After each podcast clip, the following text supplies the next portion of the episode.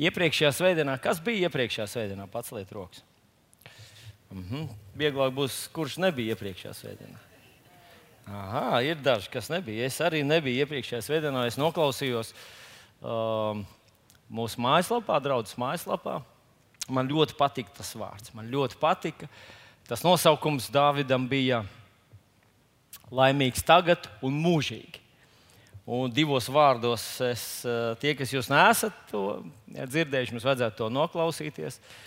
Viņš tur iesāka ar tādu laimes knabu, un tas ir, ka cilvēki meklē, meklē laimi vai motivāciju, lai būtu laimīgi. Knabu un tās četras lietas, kor, korupcija gandrīz vai pateikt. Tā ir karjera, nauda, mm, karjera, nauda, attiecības un bērni. Un tad brīvība. Brīvība. Jā, à, bērni taisa attiecībās. Jā. Nu, labi. Redziet, kā atmiņa izspēlē joku ar tevi kādreiz. Bet, nu, tātad, ja kaut kas tev samežģās ar karjeru, tā tu vairs neesi laimīgs. Vai kaut kas ar naudu, un kā mēs zinām, katram mums ir vismaz reizi mēnesī tāda diena, kad nauda mums dod laimes sajūtu. Algas dienā, un tad jau nākamajā dienā jau laimes vairs nav. Vai jums tā nav? Jums ir nedēļa laime vēl. Bet um, secinājums Dāvidam bija tāds, ka mūsu laimē jābūt pamatotai kaut, um, iekš kaut kā, kas ir nemainīgs. Un viņš nonāca līdz Jēzum Kristum. Ka Jēzu Kristu mēs varam būt laimīgi neatkarīgi no knaba. Tāda vēlreiz, no, e, ne, tur nav runa par korupciju un nekāda saistība ar korupcijas novēršanas biroju, bet tas ir e, no karjeras, naudas, attiecībām un brīvības. Un brīvība tā bija doma, ka daru, ko gribu, kad gribu un ar ko gribu un kur gribu. un cik gribu. Ja? es atceros, bija tas, es nezinu, to nestāstiet nevienam, bet uh, reiz uh, vienā no braucieniem, Ecvais, kad atbrauc šeit, un tad īrīt mums atved tāds eklērs ar zemeņu krēmu piepildīts. No saukrastiem viņa atved. Irīnī laikam nav šeit, bet un tad Ecvais iekodās vienā, un viņš pasūtīja, atvediet man, cik vien var atrast. Toties pāris gadus vēlāk viņš atbrauc šajā reizē, nepieskārās nekam, kur ir cukurs. Un tas nozīmē, ja tev brīvība dod laimi, tad vienu dienu tu to laimi pazaudēsi. Jo tu nevari darīt, ko gribi, kad gribi, ar ko gribi un cik gribi. Jo tu pats vari sevi pazudināt. Jēzus Kristus ir nemainīga, mūžīga laime, ja tev ir Jēzus. Un tad viņam bija tādi divi teicieni. Ja tev kāds jautā, kā tev iet, tad laba atbilde ir, man iet daudz labāk nekā es esmu pelnījis. Jā, man iet daudz labāk nekā es esmu pelnījis. Un, tur laikam visi man piekritīs, mēs neko lielu neesam pelnījuši. Ne? Ko? Nu, ja runājam tādā dieva kategorijās, tad laikam Tā ir taisnība. Bet man patīk vēl viens viņa teiciens, un tas teiciens bija tāds, tātad, ja tev kāds jautā, vai tu esi laimīgs, tu saki, es esmu pārāk svētīts, lai nebūtu laimīgs. Esmu pārāk svētīts, lai nebūtu laimīgs. Iebiks tam, kurš sēž tev blakus, pasakot, tu esi pārāk svētīts, lai nebūtu laimīgs. Tā tad laimīgs šodien un mūžīgi, un tu esi pārāk svētīts, lai nebūtu laimīgs. Un tad es sāku pie sevis domāt, nu, ko, ka, kas tad ir tās svētības. Nu, vismaz dažas, par kuras Bībelē mēs konkrēti lasām, kuras ir viens pret vienu, melns uz baltu uzrakstīts. Mums dāvāts, tev kā Dieva bērnam, tam, kurš es pieņēmu Jēzu par savu kungu. Tu sauc Dievu par savu tēvu un tā tālāk. Kas tās ir par svētībām? Un, uh, Pāvila vēstule romiešiem ir ļoti laba vieta, kur tādas atrast, tādas īstas pērles, tādas mūžīgas, spožas, dārgas pērles. Nu, Viena no tām ir romiešiem 8,15. Romiešu vēstulīte 8, 8. nodaļa ir tā, kur arī viņas diezgan tādā blīvā slānī saliktas šīs svētības. Paklausieties! Jo jūs neesat dabūjuši verdzības garu, lai atkal kristu bailēs, bet esat saņēmuši Dieva bērnības garu, kas mums liek saukt aba. kas mums liek saukt tātad tēvs, tēvs, tēvs.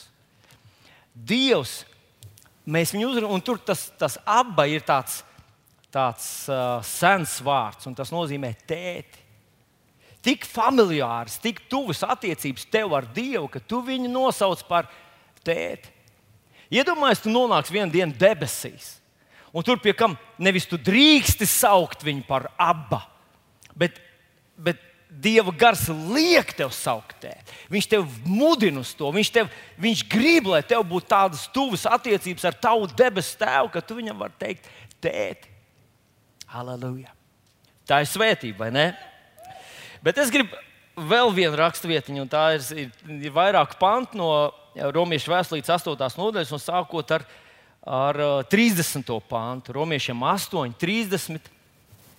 Un paklausieties, kā, kas ir rakstīts tur bet kurus viņš iepriekš nolēma atpestīt, tātad viņš ir iepriekš nolēmis atpestīt. Iepriekš, pirms pasaules radīšanas, viņš zināja, ka būs tāds vilnis, vai būs tu.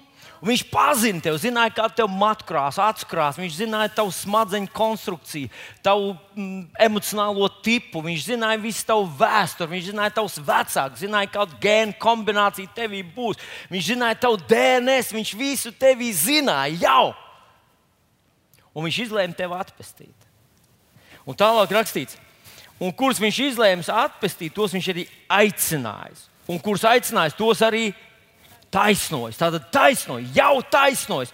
Pirms pasaules radīšanas viņš to izdarīs. Un kurus viņš taisnojis, tos arī pagodinājis vai apskaidrojis. Vai ietērps Dieva bērnu tajās spožajās Jēzus slavas drēbēs, pagodinājis. Un tad tālāk paklausīsies 31. pāns, ko nu sacīsim par visu to, kādus secinājumus mēs varam izdarīt. Un tad viņš saka, ja Dievs pār mums, kuram bijis labs tēvs dzīvē, kur jūs vienmēr zinājāt, ka tēvs būs par tevi.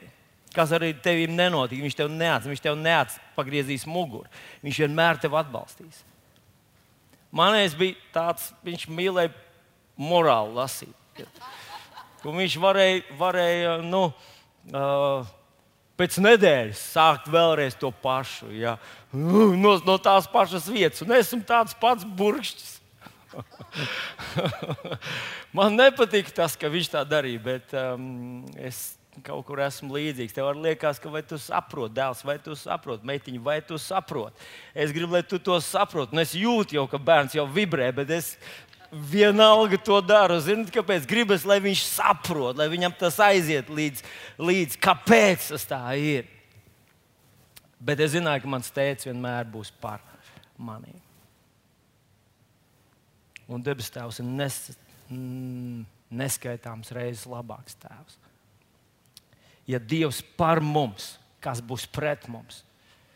Nav nozīmes, kas būs pret mums. Ja Dievs par ko? Jā, vēlams būs pret. Jā, viņš vienalga ir pret. Kāda starpība, kas notiek? Vēlams vienalga tevi vienīs, vienalga grib tevi iznīcināt, sist, mērcēt, ne, čakarēt tavu dzīvi. Vēlams ir nepierunājams, nepielūdzams, viņu nevar uzspirkt. Ar viņu nevar neko sarunāt, viņam nav sirdsapziņas, viņam nav goda jūt. Viņš ienīst visu dzīvo pasaulē. Un tad kaut kur es lasīju, ka galvenais spēks vēlna valstībā, visi tie eņģeļi, kas aizgāja viņam līdzi, ir bailes. Kurš grib sadarboties ar vēlnu? Tam ir jābūt galīgi prātā jukušam cilvēkam, lai kaut ko tādu iedomātos. Nesabojāt attiecības ar vēlnu. Ar vēlnu nav iespējams attiecības. Ja Dievs par mums, kas būs pret mums? Bet es gribu, lai tu paskaties uz, pa, uz nākošiem pāntiem. 32. pāns. Paklausies. Viņš jau savu pašu dēlu nav audzējis, bet to par mums visiem nodevis nāvei. Kā tad viņš līdz ar to mums nedāvinās? Ko tad? Visas lietas. Viņš jau devis pašu dārgāko, savu dēlu. Kā tad viņš līdz ar savu dēlu tev nedos visas lietas? Viņš tikko runāja par to, ka svētais gars mūsos liek mums saukt tēti. Un tad tas tavs tētis, Dievs, kurš ir par tevi, devis savu dēlu tev, un viņš tev iedos visas lietas. Saki, visas lietas. Ah, visas lietas. Visas lietas. Kas ir visas lietas? Vilni? Vai tu runā par to, es varu būt miljonārs? Nu, kaut kad mēs varam nonākt līdz tai tēmai, bet līdz tam es gribētu runāt par sirds mieru, gribētu runāt par prieku, gribētu runāt par harmoniju dvēselē, par drošību, ka tu vari skatīties nākotnē, zinot, ka Dievs ir pār tevi. Nav sagatavojis tev lamats, nesitīs tev aiz stūri, nesarīkos tev katastrofu, nesūtīs vēzu tavā dzīvē. Tas nav Dievs! Sāksim ar tām lietām. Visas lietas. Bet paskatieties nākamo pāntu, 33. Un, un, un tajā ir baigais spēks. 33. pāns. Kas vēl apsūdzēs dieva izredzētos? Mēs taču zinām, ka Dievs ir tiesnesis, vai ne? Dievs ir nosaukts par visas pasaules tiesnesi. Un šeit ir teikts, kas tevi apsūdzēs. Un tālāk ir teikts, vai Dievs, kas mūs taisno. Pasaules tiesnesis, kas tiesās visus dzīvos un mirušos, tevi taisno, tevi ir attaisnojis. Tu vari droši teikt, cik vien viens cilvēks cik vien vienu cilvēku var attaisnot, cik vien vienu cilvēku Dievs var attaisnot, tik tu esi attaisnots. Halleluja! Tu esi attaisnots. Tu esi tā attaisnots, ka debesu un zemes tiesnesis pastarā dienā paskatīsies uz tevi un teiks, taisns, taisnots pilnīgi tam vajadzētu dot tādu mieru tavā un manā sirdī. Drošība, mieru doties nākotnē. 1. Jāņa 4.17. ir teikts, ka tāda mums ir tāda drošība tiesas dienā tiesas dienā tāda drošība, jo kāds viņš ir, tādi mēs esam šajā pasaulē. Kas mūs par tādiem padarīja? Vai mūsu labie darbi, tavs daudzās izlasītās grāmatas, vai tavs uh, pazemīgais runas veids? Nē, to izdarīja Dievs, kas tevi taisno. Halleluja! Bet mani iepriecina nākamais pāns vēl vairāk, 34. pāns. Un tur uzrakstīja tādu vārdu.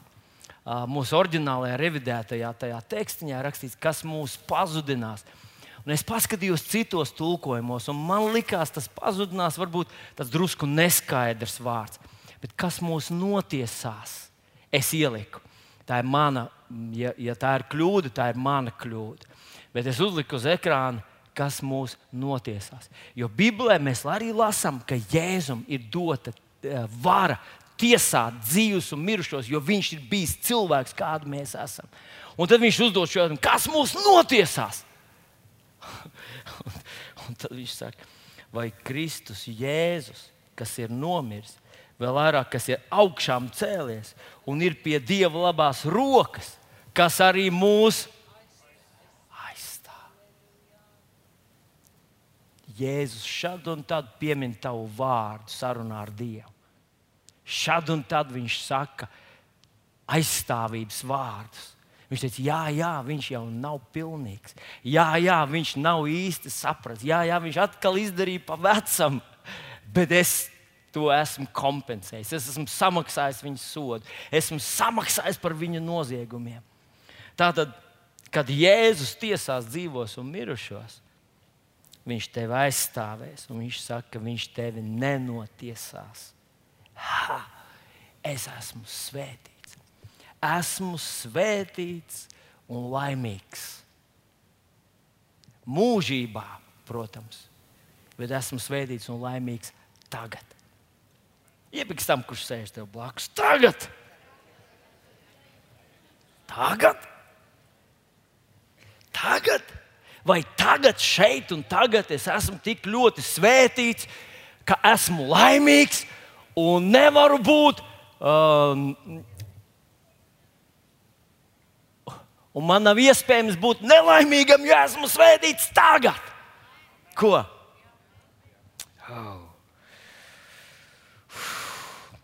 Jūs zināt, man nāk prātā tas stāsts, kad Jēzus nāk pa ūdens viļņiem, mācekļi sēž laivā, tur ir vētra, viņi ir airējuši visu nakti, nav tikuši nekur uz priekšu. Viņi ir e, ezera vidū, vētra tāda, ka viņi domā, ka viņi slīks, un tad Jēzus iet garām pa ūdeni.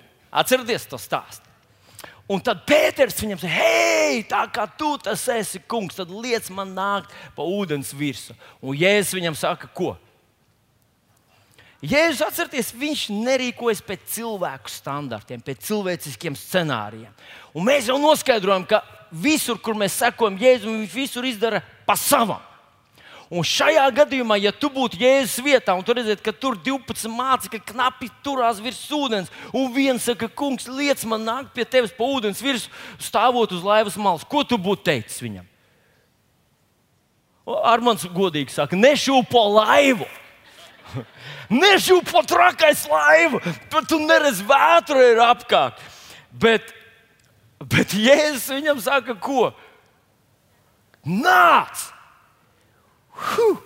Ziniet, kā būtu, ja Pēters būtu iemācījies mūsu laikmetā, mūsu Bībeles skolā, viņš būtu meties kaut kur zemē, izvilcis ārā savu biezo bloknotu un sācis rakstīt uz, uz papirusiem kādu dienu viens no maniem maz, maz, maz, maz, maz bērniem ies pa ūdens virsmu, jo Jēzus teica, nāc!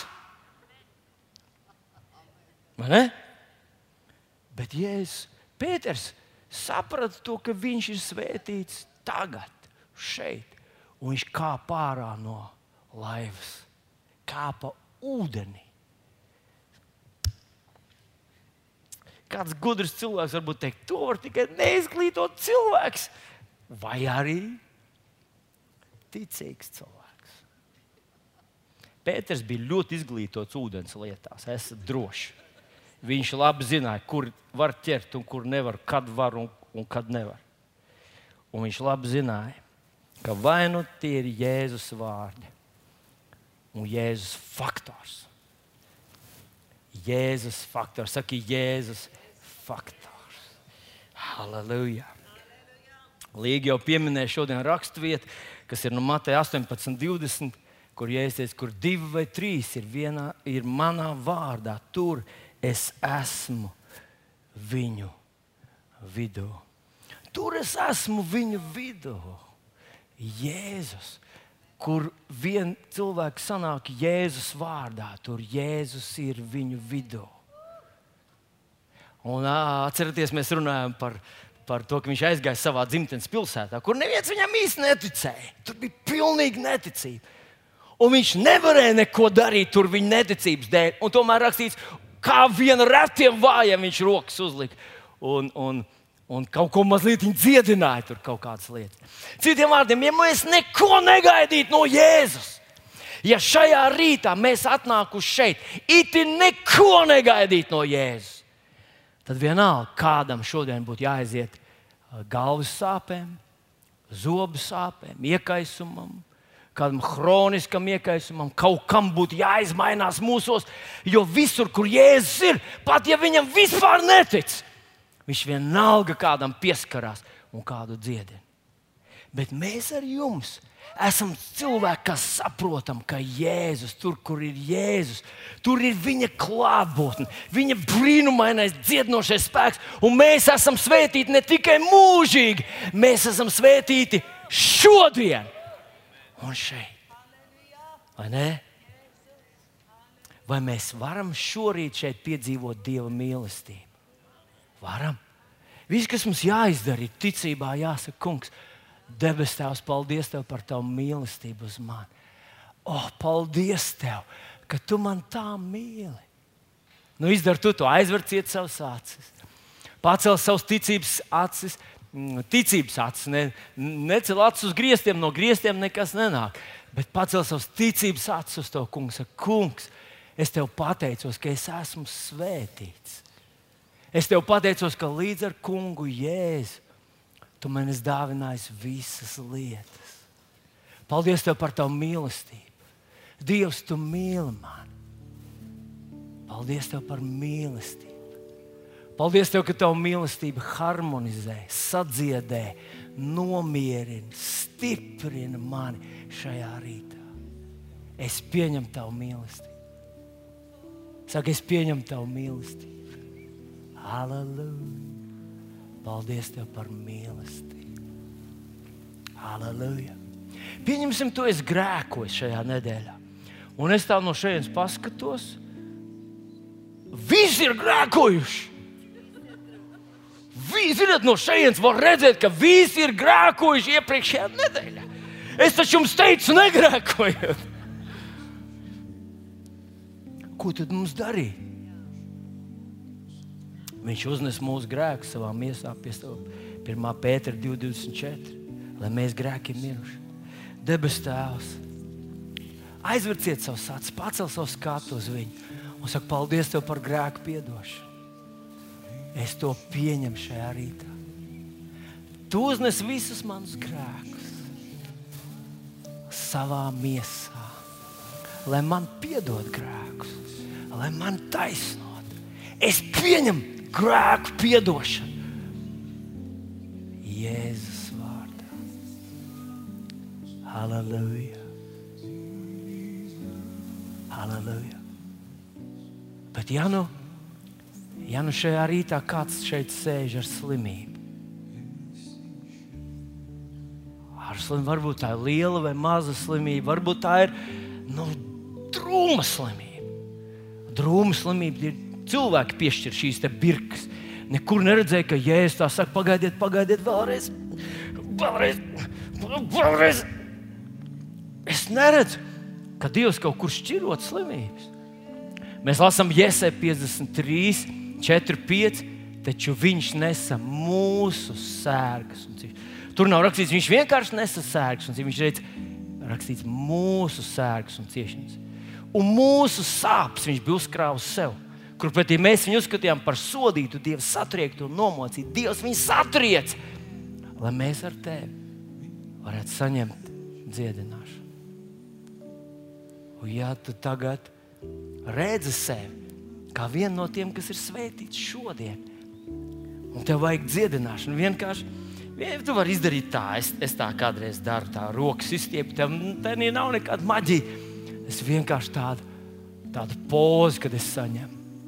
Un pasaki līdzi ar mani, tu paņēmi manas sērgas un manas ciešanas, manas sāpes bija uzlikts kungam Jēzum Kristum ar Jēzus brūcēm es esmu dziedināts. Un šajā rītā es pieņemu savu dziedināšanu, jo Jēzus Kristus ir šeit, lai man dziedinātu.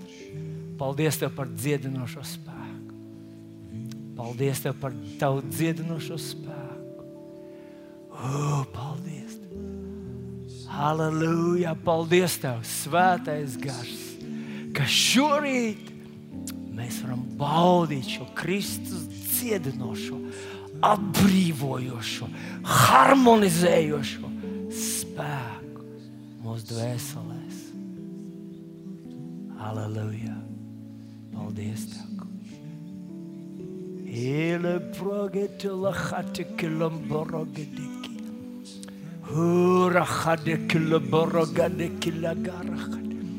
Jēzus vārdā palaidiet galvas sāpēm, chroniskiem iekaisumiem, neārstējumiem artrītiem, es pavēlēsiet vēžiem, es pavēlēsiet cilvēku drūmajām slimībām Jēzus Kristus vārdā. Un mēs pieņemam atbrīvošanu un dziedināšanu un harmoniju mūsu dvēselēs un ķermenī.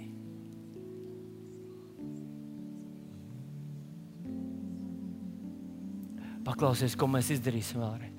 Paskaties tur apkārt, tur, kur tu sēdi. Un tu zini, kāda cilvēka ir tāds patiesa Dieva bērns, patiesa kristuma ticīgais.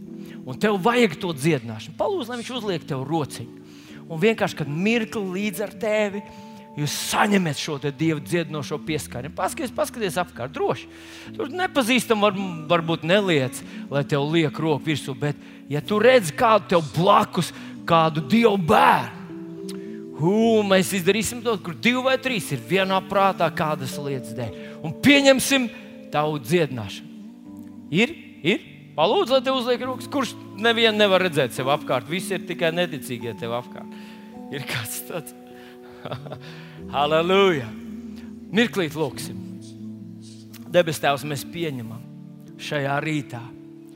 Mēs padodamies Tev. Mēs padodamies Tavam svētajam garam, lai saņemtu šo Tavu brīnumu darošo, atdzīvinošo, restaurējošo pieskārienu Jēzus vārdā. Paldies Tev! Paldies Tev! Paldies Tev! Paldies Tev! Paldies Tev!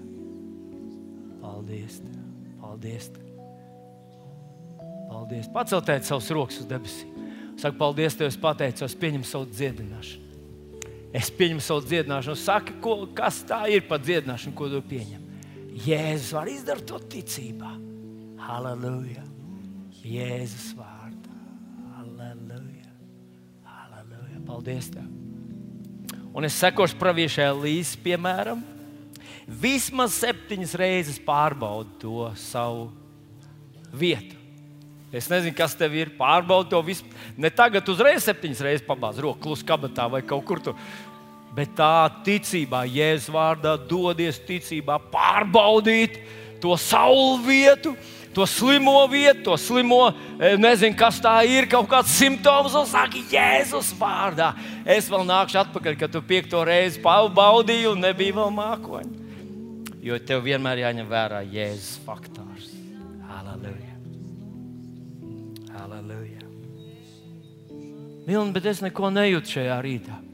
Es te sēžu, skatos uz tevi, vai tas nav teātris, ko tu tur dari. Uh, nē tik šausmīgi samaitāts es neesmu, lai taisītu teātri. Es tiešām ticu, ka Dieva spēks tikai pieaugs. Es ticu, ja cilvēkiem ir šīs gaidas, gaidas, ja viņi gaida uz Jēzu, viņš atnāk, varbūt kavējas kādreiz, varbūt kādreiz to nevar uzreiz sajust, bet viņš atnāk. Halleluja! Slāva Jēzu! Bet es gribu tev pateikt, ka kādreiz vispilgtākais piedzīvojums, vispilgtākās sajūtas, viņas nevar tevi pasargāt no tā, ka tu aizmirsti, ka tu esi laimīgs.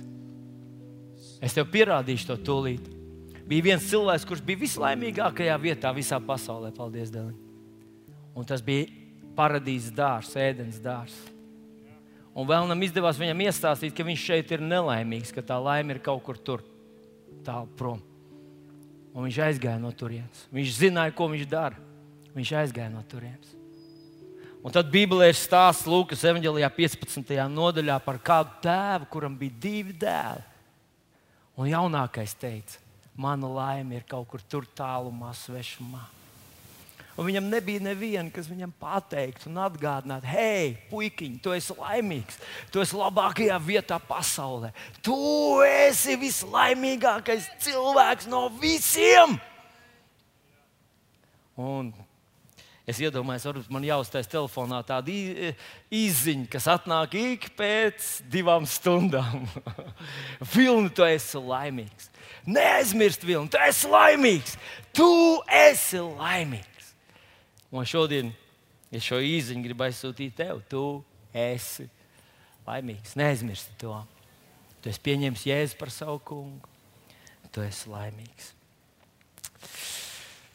Es esmu laimīgs. Halleluja! Halleluja! Es tagad varu dzīvot. Es esmu laimīgs. Bet zinat ko? Viena doma man uzrādījās šajā nedēļā. Viņa man neliek mieru. Es nezinu, vai tu esi kādreiz bijis degošā mājā, bet iedomājies, ka tu atrodies degošā mājā, un tur vēl kaut kāda cilvēka. Un iziet, izkļūt nav iespējams, un tu tur skrien no vienas istabas otrā, visur uguns, un, un visur ir neiespējams izkļūt. Un pēkšņi kaut kādā brīnumainā veidā tu tur kaut kur nešur, kur nu, plinkšķi izlido ārā no tās mājas, un tu esi glābts. Pirms mirkļa tu gāji bojā, un no tu esi brīvs no degošās mājas. Tu skaties, vai tev viss ir kārtībā, vai bikses vēl vietā, vai sirdsdarbība ir rokas, kājas, mati vēl frizūra nav sabojāta. Tu esi kā pārā, un tu, tu esi laimīgs, vai ne? Bet kas notiek nākošais? Tikko tu esi apjauts, ka tu esi laimīgi glābts. Kas tev jādara? Ko tad? Pēkšņi tu vairs nevari būt laimīgs. Tu vairs nejūties laimes krekliņā piedzimis, jo tu atceries, ka tur ir citi, kas tur iet bojā un tu varbūt sauks palīgā, zvanīs, klieks. Tu varbūt pierunās cilvēks, lai glābtu, lai kaut ko dara. Un ja neviens tur nebūs, vai tad tas nebūs normāli, ka tu darīsi visu iespējamo, riskējot ar to savu tikko iegūto laimi, lai izglābtu tos, kas tur vēl atrodas iekšā. Vai tā ir pareizi? Vai varētu teikt, ka laimīgam cilvēkam ir parāds, kaut kāds pienākums par tiem, kas nav laimīgi? Vai tā var teikt? Nu, visi mēs bijām liecinieki pirms mirkļa taizemē. Tur treneris ar, ar savu futbola komandu, ar jauniem puikiņiem iemaldījās dziļi, dziļi tur alu labirintā. Ja es pareizi atceros, tas bija kaut kāds 4 km dziļumā, kalnā. Viņi iegāja tur un tagad plūdu lietu sezona, ūdens ceļās, tas ir augsts, dubļi un tā tālāk. Un visa pasaule tā vietā, lai teiktu, nu, pagaidīsim, lai plūdi noies, un, un, un atradīsim viņus kaut kādu, taču kāds tur nonāks. Visa pasaule meklēja, un bija cilvēki, kas līda četrus kilometrus pa dubļiem, ledaugstā ūdenī, līdz dažādās nenosakāmās brūkošās alās, lai atrastos 11 cilvēkus.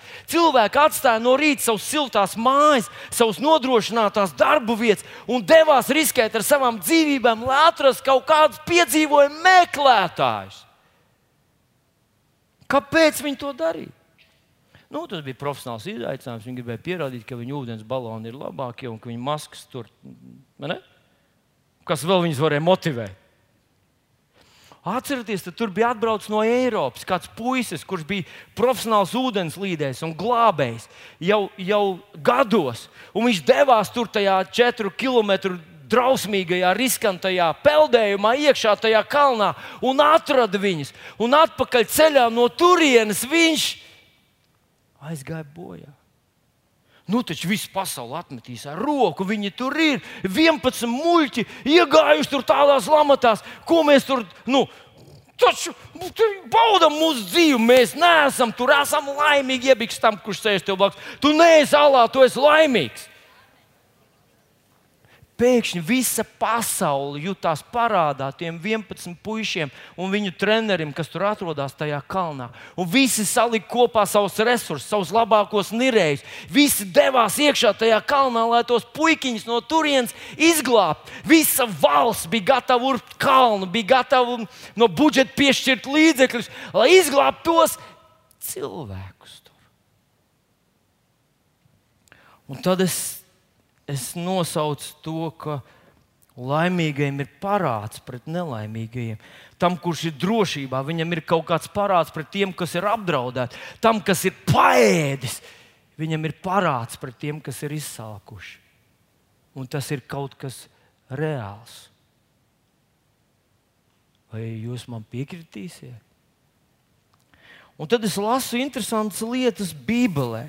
Es lasu, piemēram, apelsīnu Pāvilu Romiešu vēstulītē, pirmajā nodaļā, es lasu tādus vārdus. Romiešiem 1, 14, 15 līdz 16. Jo es esmu parādnieks grieķiem un barbariem, gudriem un nezinošiem. Es esmu parādnieks. Ja apelsīns Pāvils bija parādnieks, es domāju, ka Mēs visi varam justies parādnieki, jo mēs taču esam laimīgi, mēs esam svētīti. Dievs ir mūsu pusē, mūsu labākās dienas ir mūsu priekšā. Debesis un zemes tiesnesis mūs attaisnos. Jēzus Kristus mūs aizrunā, Viņš aizstāv mūs. Mēs šeit esam tik laimīgi, un tas nekad nemainīsies. Bet Pāvils saka, es esmu parādnieks grieķiem, barbariem, gudriem un nezinošiem un ievērot, kā viņš grib šo parādu atmaksāt. Viņš saka, tādēļ es esmu gatavs sludināt evaņģēlīju jums Romā. Es esmu parādnieks, un to savu parādu es gribu jums atmaksāt, sludinot evaņģēlīju jums tur Romā. Un viņš tālāk saka, es nekaunos Kristus evanģēlijas romiešiem 1,16. Tas ir Dieva spēks par pestīšanu ikvienam, kurš tic jūdam un arī grieķim. Ikvienam tas evanģēlijas, ko es sludinu, ir Dieva spēks par glābšanu ikvienam, kurš tic. Paskatieties, ko viņš raksta turpat romiešu vēstulē tiem, kur viņi par kuriem viņš saka, es jums sludinu evanģēlīju. Viņš saka viņiem tādus vārdus, romiešiem 13, 8 pāns nepalieciet nevienam neko parādā. Nepalieciet parādā, atdodiet savus parādus. Neaizņemies labāk, mīļais draugs, neaizņemies arī draudzes robežās, neaizņemies no cilvēkiem ne pildspālu, ne bībelīti, ne kurpes, ne, ne lietu sargu. Neaizņemies! Nevajag aizņemties, vai ja tu esi aizņēmies, tad atdod precīzi kā teica, atdod atpakaļ. Neaizņemies no citiem. Ne no viena neesi aizņēmies neko. Bet viņš saka, nepalieciet nevienam neko parādā, kā vienīgi, ka jūs cits citu mīlat. Tas ir parāds, kur tu nevari atdot. Nav iespējams atdot. Mēs ar tevi esam saņēmuši tik daudz mīlestības, ka mēs to nespēsim visu savas dzīves garumā. Mēs to nespēsim atdot. Un tomēr tas ir konkrēts parāds, tas ir reāls parāds, kas ir jādod. Un Pāvils sludina konkrētu evaņģēlīju. Viņš sludina romiešiem, viņš uzrakstīja viņiem veselu vēstuli, romiešu vēstuli, kur mēs ar grūtībām varam izlasīt cauri. Viņš to uzrakstīja cilvēkiem, kas bija sākuši ticēt kungam, Jēzum, Kristum, pieņēmuši viņa liecību. Halleluja! Bet viņš tos parādu kārtoja Un es gribu teikt, ka tev un man mums arī ir jākārto parāds. Mums ir jākārto parāds, sludinot cilvēkiem evaņģēlī. Mums ir jāiet pie tiem, kas ir tajā degošajā mājā. Tas nekas, kas šobrīd viņi to vēl nezina. Viņi vēl varbūt ir uz šī Titanika, vēl spēlē mūziku, viņi vēl tur ieguldās, viņi vēl sapņo par, uh, par saulēnu dzīvi Amerikā, par karjerām bet viņi nezina, ka tas viss viņa dzīves ceļš ir apdraudēts, ka tas beigsies tieši tad, kad viņi to vismazāk būs gaidījuši. Ka viņiem vajag glābšanu, viņus vajag izvilkt ārā no degošās mājas, un mēs zinām, kā to izdarīt. Mums ir parāds pret tiem cilvēkiem, kas tur vēl deg. Un šodien gribu te pateikt, draugs, tev ir šis parāds. Tu nevari izlikties, ka tāda tev nav. Es esmu parādā bankai. Es vairāk kā desmit gadus maksāju hipotekāro kredītu par savu dzīves vietu.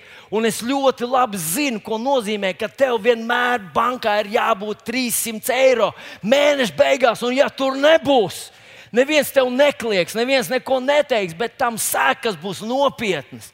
Parādi ir jāmaksā. Un, ja tas ir tiešām nopietns parāds pret tiem, kas vēl atrodas tajā degošajā mājā, mums tas ir jādara. Mums ir jāstāsta viņiem evaņģēlijas. Bet, dārgais draugs, ļauj man kaut ko vēl piebilst. Paskaties, kādu apelsīnu Pāvils raksta evaņģēlī. Ja mēs šodien rakstītu vēstuli romiešiem, kur Pāvils nekad nebija redzējis viņas vaigā, bet viņš vienkārši sūtīja savu vēstuli viņiem, cilvēkiem, ko viņš nepazina. Paskatieties, kādu vēstuli viņš uzrakstīja. Veselu vēstuli romiešiem. Uh, mēs šodien būtu uzrakstījuši varbūt no romiešu vēstules, varbūt tikai mm, kādus. Uh, Romieši 1,16 mēs uzrakstītu, jo evanģēlijas ir Dieva spēks par pestīšanu ikvienam, kurš tic. Mēs uzrakstītu, varbūt romiešiem 10. nodaļas, 90. Jo, ja tu ar savu mm, sirdi tici, ka Dievs viņu uzmodinājis no miroņiem, ar savu mutu apliecinās jēzus par savu kungu, tu tiks izglābts. Varbūt mēs uzrakstītu romiešiem 8, 1, 2. Tādēļ, kas ir Kristu Jēzu, tam nav nekādas pazudināšanas. Bet Pāvils uzrakstīja romiešu visu vēstuli. Mēs ar grūtībām varam atpazīt pantus no romiešu vēstules. Kāpēc viņš tā darīja? Kāpēc tik daudz?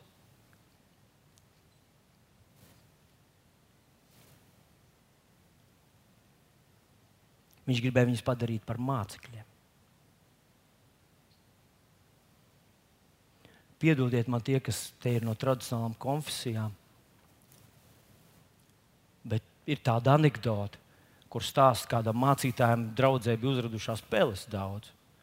Un viņš nevarēja ar viņiem tikt galā un izmēģināja visādas, visādas metodes. Es varētu izstāstīt viņas visas, bet citai reizei. Un tad beigās viens viņa kolēģis viņa saka, tev vajag tās spēles nokristīt. Jo katru reizi, kad es nokristu cilvēku, viņš pazūd un vairs nekad vairs baznīcā neatgriežas.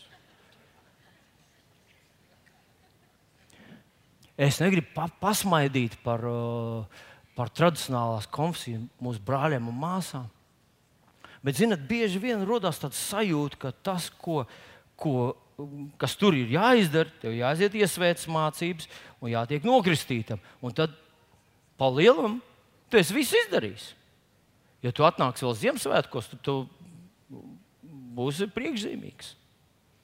Un vai mēs neesam aizgājuši arī par šo vienkāršo ceļu? Mēs vienkārši cilvēkam sakām, noskaidro lūkšanu ar mani. Un viss. Un tu esi glābts. Halleluja! Halleluja! Es biju liecinieks vienam blakus, vienam puisim, kurš ļoti talantīgi un ļoti labi liecināja par Jēzu. Un tas cilvēks pieņēma Jēzu par savu kungu. Nu, viņš viņam papliķoja pa plecu un teica, tālāk, Dievs tev pats vadīs, pats teiks, pats būs ar tevi. Hei, neiesprings, nu viss ir kārtībā. Un es domāju, viņš tikko tik smagi sameloja tam puikam. Tik smagi viņi ievada viņas dzīves lielākajās, smagākajos pārbaudījumos. Jo ar to, ka cilvēks ir pieņēmis Jēzu par savu kungu, viņa ticības dzīve tikai sākās. Jēzus mums pavēlēja, ejiet un dariet par mācekļiem visas tautas. Viņš nekur nav teicis, lai viņš noskaidro dzējolī un nokristiet viņu, un tad sūtiet viņu pasaulē. Gan jau viņš pats tur tiks galā. Viņš teica, dariet par mācekļiem. Un tā māceklība ir grūta no vienas puses un no otras puses. Bet, mīļie draugi, kā es gribētu, ka mēs pamainītu šo savu teoloģisko aspektu Un tā vietā, lai padarītu šo glābšanu tik ļoti viegli pieejamu un sasniedzamu, viņa tāda ir. Bet tas ir tikai pirmais solis uz kristiešu dzīvi. Tev jāiemācās sadarboties ar to kungu, tev jāiemācās paklausīt viņa vispārīgajām pavēlēm, lai viņš tev varētu teikt savas specifiskās pavēles. Hei! Mēs visu dzīvi mācāmies. Manai meitiņai piedzima meitiņa. Manai meitai piedzima meita, un man mazmeita. Un, zinot, es skatos, viņa vien, mm, vai bija nedēļa, bija laikam nedēļa pēc dzemdībām. Un viņa bija atbraukusi pie mums, un tā mazā, paņem viņa klēpī, tā mazā. Es viņai saku, Kiti, viņa grib dziedāt, ļauj viņai dziedāt, dod mikrofonu. Nē, viņa saka, viņa meklē pupu. Viņa grib ēst. Un es iedomājos, tos divu bērnus, kurus mēs tā pieļāvām viņiem pateikt, tur, halleluja, oh, viss ir glābts, glābts, glābts. Un tad izvadījām un atstājām viņus uz ielas. Viņi staigā ar šīm savām slāpēm, un katrs grūž savu pupu viņu mutē, un viņi beigās ir tik sačakarēti. Paklausieties, Latvijā ir tik daudz ticīgo, kuri netic nekam, sauc sevi par luterāņiem, nezinu, ko Luters mācīja, sauc sevi par nezinu, ko vēl, un neko netic. Paši paš izsmeja savus mācītājus, savus biskups un, un, un savus baznīcas, un reizē sev sauc par ticīgajiem. Un tas ir tikai tas posts, ka mēs esam padarījuši to par tik vienkāršu, piedzemdē un atstāja uz ielas. Gan jau tagad viņš elpo, tagad jau viņš grib, jau tagad viņš ir. Vai mēs varētu noskaņoties uz to, lai darītu par mācekļiem cilvēks? Tev var rasties sajūta, ka tas nav iespējams. Bet tu taču esi māceklis. Kādreiz tu arī biji neticīgs. Atceries? Atceries vēl? Tu biji īsti neticīgais. Īsti gāji uz eli, tev patīk grēks, tu izbaudīji grēkošanu, tu lamājies, lai tev patīk tie sulīgie vārdi, vai ne? Ah, māte, māte, māte! Huh. Ah, nē, tu latviešu lamājies. Nu, latviešu arī var pateikt, sulīgi. Un tu to izbaudīji. Un tad vienā dienā Jēzus ienāca tavā dzīvē, un tu kļūsi par Jēzus Kristus mācekli. Ļauj man pateikt, Es nezinu, vai cilvēks, kurš pirms 30 gadiem pateica savu lūgšanu, un pēc tam atgriezās savā vecajā dzīvē, vai viņš ir glābts. Es nezinu. Es ļoti ceru. Un katru reizi, kad es stāvu pie, pie atvērta kapa, un tas aizgājējis saka, jā, bet viņš tur pirms 15 aizgājējis, piedodiet, nē. Bet viņa radinieks saka, bet pirms 15 gadiem viņš tika kristīts, un viņš izteica to jēzu par savu kungu. Un es gribu teikt, es ceru, ka viņš ir. Bet, ja mēs lasām Jāņa 3.16, tur rakstīts, jo tik ļoti Dievs pasauli mīlēs, ka Viņš devis savu vienpiedzimušo dēlu, lai neviens, kas viņam tic, un tas vārdiņš tic, ir tagadnes formā, tagadnes aktīvi, reāli darbojošās ticība, kuru var saskatīt, izmērīt, ticība, kuru var sekojot tev, tavā dzīvē, var redzēt, ka tava ticība tev ir aktīva. Tā ietekmē tavu dzīvi, ietekmē tavus domas, tavus vārdus, ietekmē tavu došanu, tavu dzīvesveidu veidu, tavu, tavs finanses, visu tavā dzīvē. Tāds cilvēks ir glābts. Bet cilvēks, kuram sekojot, vispār, nu, jāsaka, dziļās sarunās pie psihologa, atklājās, ka viņš ir kristietis. Ak, vai, vai tāds ir glābts? Es nezinu. Un tad man gribas, gribas likt to. Bija tāds viens gadījums, kad Bībelē, kas saucās Esteras grāmata, mēs tuvojamies nobeigumam. Ja tu vari atnākt šeit, palīdz man, lai man vēl ir enerģija aiziet līdz galam. Esteras grāmatā bija kāda jauna, simpātiska ebreju meitene. Viņa bija no dieva tautas. Un viņa jau dzīvē, savā dzīvē bija piedzīvojusi ļoti daudz sāpīgu brīžu. Viņa bija palikusi bērna, viņa uzaugusi onkls. Neviens mums to negribam. Mums liekas, ka bērnam tas ir kaut kas šausmīgs, ka mamma uz nedēļu ir prom, vai viņam jāiet uz bērnu dārzu, vai ne? Vai ne? Hei, jūs priekšzīmīgās māmiņas, vai nav tā? Bērns. Un mammas nav. Mamma ierodas tikai vakarā. Viņai atņēma bērnus, at, atņēma vecākus, atņēma tēvu un māti. Viņa dzīvoja pie onkuļa. Onkulis viņu uzaudzināja. Viņi bija gūstekņi svešā tālā zemē. Un kur nu vēl sliktāk? Un viņi bija izvēlēti par ķēniņu uh, vienu no sievām. Viņi mierīgi var aiziet cauri ķēniņa guļamistabai un pazust no vēstures, pazust vispār no visas aprits. Bet Dieva pirks bija ar viņu. Viņa kļuva par princesi. Viņa kļuva par ķēniņa ķēniņiem. Nu, viņa slavēja Dievu. Jā, Dievs, esmu laimīga. Tu esi man svētījis. Es esmu skaista. Es esmu laimīga. Dievs, tu esi kompensējis visas manas sāpes. Un tad atnāk tas ziņa no viņas tēvoča Mordehai Es tikai vienu pantiņu pateikšu, izlasīšu. Jo, ja tu tiešām cietīsi klusu šajā laikā, tad atbrīvošana un glābšana jūdiem var rasties no kādas citas puses. Bet tu un tava dzimta aizies bojā. Un kas zina, vai tieši šā laika dēļ tu neesi kļuvusi ķēnišķīgā godā? Viņai bija jāglābi savu tautiešu. Viņai, viņai bija pienākums pret viņiem. Viņiem nebija nekāds pienākums pret to mazo meitenīti, kas saucās Ester. Bet tai mazai meitenītei bija pienākums pret visu ebreju tautu. Viņa beidzot bija laimīga, izglābusies no, no negācijas ķēdes. Un nu viņai ir pienākums pret visiem. Un viņa saka tam tēvocim, bet es esmu maza meitenīti. Es tur iešu, bāzīšu savu degunu tajās vīru lietās. Viņam tikai nekas nav jāsaka, viņam tikai jāpasēž 5 minūtes. Viņš neizstieps man pretī savu scepteri, mani nogalinās. Bez jautājumiem, ķēniņš nepārdzīvos viņam tādu kā es, ir vezumi. Nu, neviens par mani neatcerēsies. Un tad viņš saka viņai šos vārdus. Ja tu tagad tiešām cietīsi klusu, ja tu tagad tiešām cietīsi klusu, tad atbrīvošana atnāks no citas puses. To var aiziet bojā. Un kas zina, vai tieši tādēļ, draugi, tev var nākties uzupurēties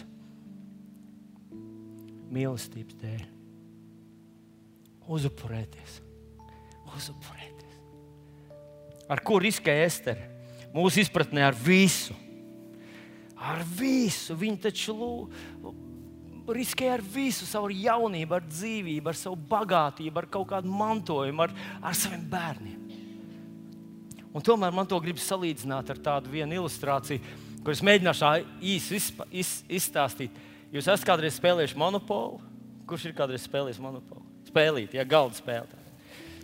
Vienā reizē mēs ģimenē spēlējām, un tajā reizē man ļoti veicās. Man nevienmēr veicas, bet tajā veicās. Un man Es noliku viesnīcu tur, un tad divas viesnīcas tur, un tur, un tur, un sapērku visus tur, tos, tur, visus tos uzņēmumus. Un katrs, kurš uzkāpa uz mani lauciņu, ir nelaimīgs. Un beig beigās tā spēle attīstījās līdz tam, ka katrs, kurš uzkāpa uz mani lauciņu, uh, uzreiz bankrotē. Jo, jo tās cenas ir. Un, zin, es esmu, viņi visi uzreiz grib beigt spēlēt. Nu, es saku, nē, jāspēlē līdz galam. Un, zinot, Un tā spēle man teikt, es skatos, man ir naudas daudz, un man ir visas tās mazās tās mājiņas, un viesnīciņas, un vēl viss kaut kas vesels sauja. Un es pie sevis domāju, wow, es esmu bagāts. Un, zini, tā bagātība skaitījās tikai kaut ko nozīmē tā spēles laikā. Tikko beidzās spēle, neviena no visām man bagātība nav vajadzīga. Man bija iespēja darīt labu tikai tās spēles laikā. Es varu atlaist, varu kādam atdot, es varu visu kaut ko izdarīt, bet kaut kas manī tas azarts, jā, kaut kā. Es gribēju, lai viņi knapi vēl dzīvības, bet maksā man. Bet vēlāk, stāvot ar to naudas čupu un tām mājām, es sapratu, ka dzīve ir tieši tāda pati. Dzīves laikā tev ir iespēja darīt labu. Un vienā dienā spēle beigsies.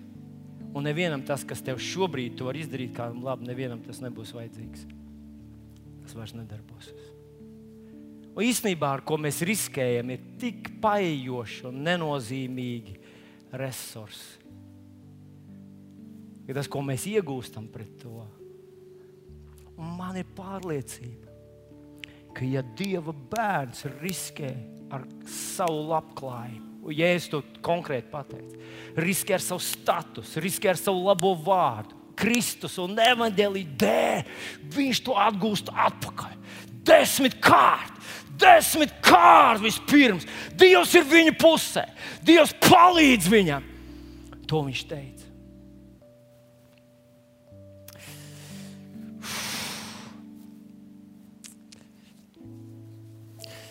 Man ļoti gribētos, ka mēs nebaidītos uzupurēties mīlestības dēļ, jo mēs esam parādā tiem, kas iet pazušanā. Un ka mēs noskaņotos draudz, ka mēs noskaņotos uz māceklību. Tā būtu daļa no vēsts. Ja es teicu, Dieva valstība ir kā rauks, ko kāda sieva ie, ie, iejauc trijos mēros miltu. Rauks, jūs zinat, viņš pārņem visu man stāstīja bērnībā, eh, ne bērnībā, bet skolā man stāstīja mans kolēģis, eh, students, medicīnas students, ka bija viens nejauks cilvēks, kurš bija tāds ļoti slikts cilvēks. Un viņi esat paņēmuši trīs kg augu un iemetuši viņu sausajā atejā vasarā.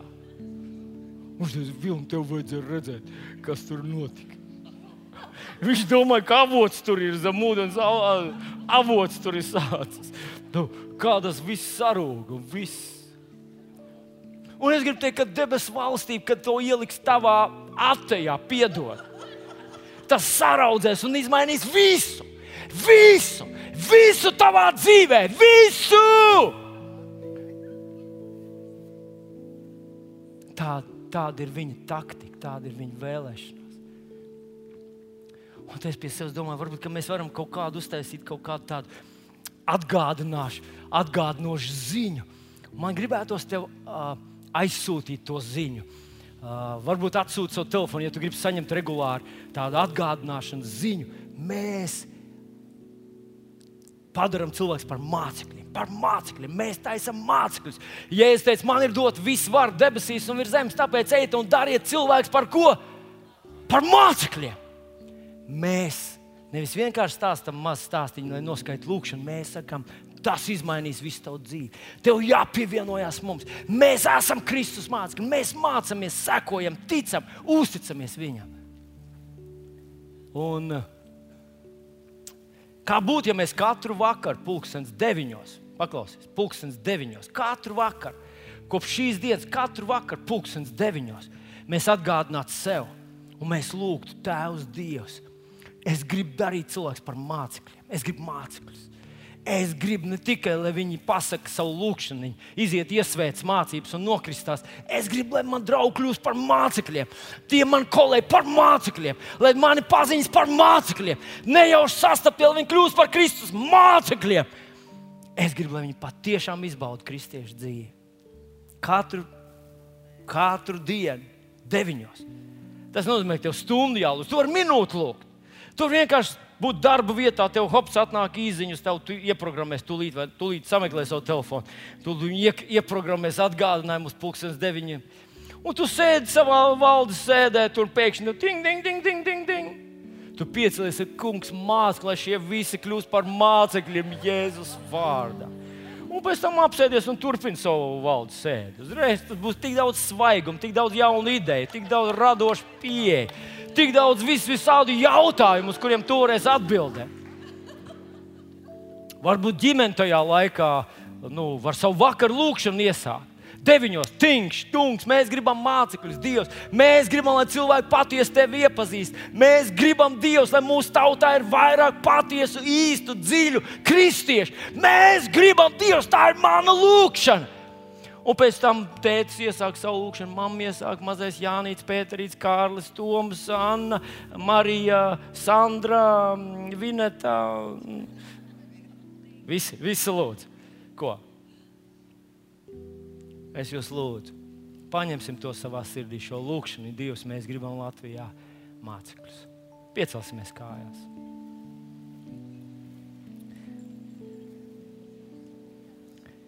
Hallelujah! Halleluja. Pasaki līdzi ar maniem šo lūgšanu. Saka, es nāku pie tevis, debes Tēvs, Jēzus vārdā. Es pateicos, ka tu esi man svētījis. Tagad un mūžīgi. Es esmu laimīgs, ka es esmu Kristu Jēzu. Paldies Tev! Paldies Tev, ka es esmu šeit nolikts, lai cilvēki kļūtu par mācekļiem mācekļiem. Dievs, es esmu tavs, es esmu Kristus māceklis. Un es gribu padarīt cilvēkus par mācekļiem. Lai viņi iepazīst, saprot, uzzina, seko un izdzīvo dzīves attiecības ar tevi. Paldies, Tev, debes Tēvs! Jēzus vārdā. Aleluja. Paldies, Tev, ka es varu atmaksāt savu parādu. Kāds man ir pret tiem, kas ir nelaimē. Paldies, Tev, debes Tēvs. Paldies, Tev, debes Tēvs. Paldies, Tev, debes Tēvs. Paldies, Tev, debes Tēvs. Jēzus vārdā. Aleluja. Amen.